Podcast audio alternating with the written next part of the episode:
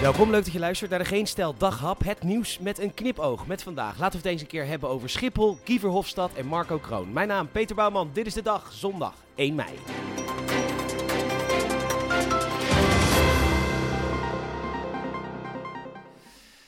Ja, ik was de afgelopen dagen het een beetje vergeten te behandelen in de daghap. Maar het is dus eh, druk op Schiphol. Dacht, ik meld het even. Oh, en dat is voor een deel ook eh, de schuld van de media. Al de Schiphol. Wij hebben er te veel aandacht aan besteed. Ja, Schiphol denkt dat de medewerkers van Schiphol nu de hele dag de NOS-app aan het refreshen zijn om te kijken hoe druk het is op Schiphol. En daarom hebben ze geen tijd voor de beveiligingschecks op Schiphol, denk ik. De ware reden ligt inmiddels niet meer bij KLM. Die schijnen weer ouderwets te opereren. Amper service bieden voor een prijs van een tyfusdure airliner. Kunnen ze als geen ander. De problemen liggen nu puur en alleen bij Schiphol. Ja, en de media dan.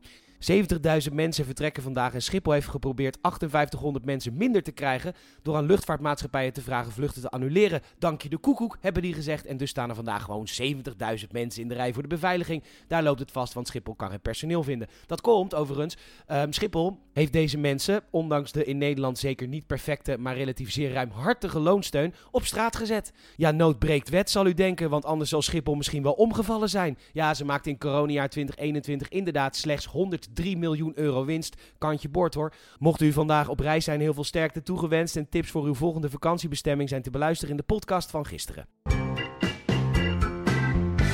Stel, je bent een product manager, middenkader van een firma die handelt in bananen. Je krijgt daar bijzonder goed voor betaald, bijna 9000 euro per maand. Lekkere baan. Maar goed, je hebt opeens het idee om een handel te beginnen in fotolijstjes. Je hebt ergens een goede dealer gevonden voor fotolijstjes en je ziet de winst. Je besteedt uren en uren aan de plannen voor de fotolijstjeshandel. En ook ben je weken bezig met de speech die de eigenaren van de bananenhandel moeten overtuigen. De dag is daar. Iedereen wacht op jouw vlammende betoog. Je houdt hem en aan het einde van je speech zeggen de bazen: Gast, we handelen in bananen. Wat de fuck willen we met fotolijstjes? Hoeveel uren heb je aan dit ridicule en stom idee gewerkt, achterlijk idioot?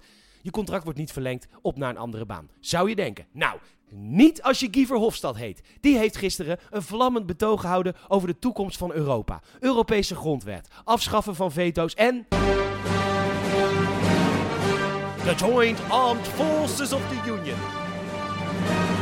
Wat is er toch aan de hand met die megalomane bestuurders in de Unie? Von der Leyen die Oekraïne in de Unie wil, gaat ze niet over. Verhofstadt die een beetje Palpatine aan het spelen is met de hoop op een kloonleger. Maar in tegenstelling tot Palpatine gaat hij niet over. 9000 euro per maand krijgt hij voor het bedenken van onzin waar hij niet over gaat. Buiten als een bijbanen waar hij, zo wordt ingeschat, ook nog eens 13.000 tot 26.000 euro per maand mee verdient. Ga weg, ga werken in de bananenhandel of zo. Dat is nuttiger voor de wereld dan dit. Marco Kroon, wat een held. Een echt mens en een doorn in het oog van denkend in de absoluten, maakbaarheid denkend Nederland. En dat zijn er steeds meer aan het worden. Hij is drager van de militaire Willemsorde, maar Marco is mens, dus hij maakt ook fouten. Beetje cocaïne, een plasje tegen een gebouw, een beetje knokken. En gisteren redde hij de buurjongen van een verstikkingsdood. Marco Kroon is soms een hele vervelende eikel geweest, altijd mens gebleven en bovendien een held. Het is vandaag de Dag van de Arbeid en dat wordt in Nederland eigenlijk amper gevierd. En als ik de beelden wereldwijd zo zie, dan voelt die Dag van de Arbeid behoorlijk als werken. En het is zondag en het is lekker weer. En je weet, arbeid is echt belangrijk en zo, maar een wijntje is ook wel lekker. Uh, volgend jaar valt 1 mei gewoon op maandag. Dat is een goede dag. Tot volgend jaar. Bedankt voor het luisteren. Je zou ze enorm helpen als je een vriend of vriendin of familielid vertelt over deze podcast. Je kan ook een Apple Podcast review achterlaten en dat kan ook in Spotify. Nogmaals bedankt voor het luisteren en tot morgen.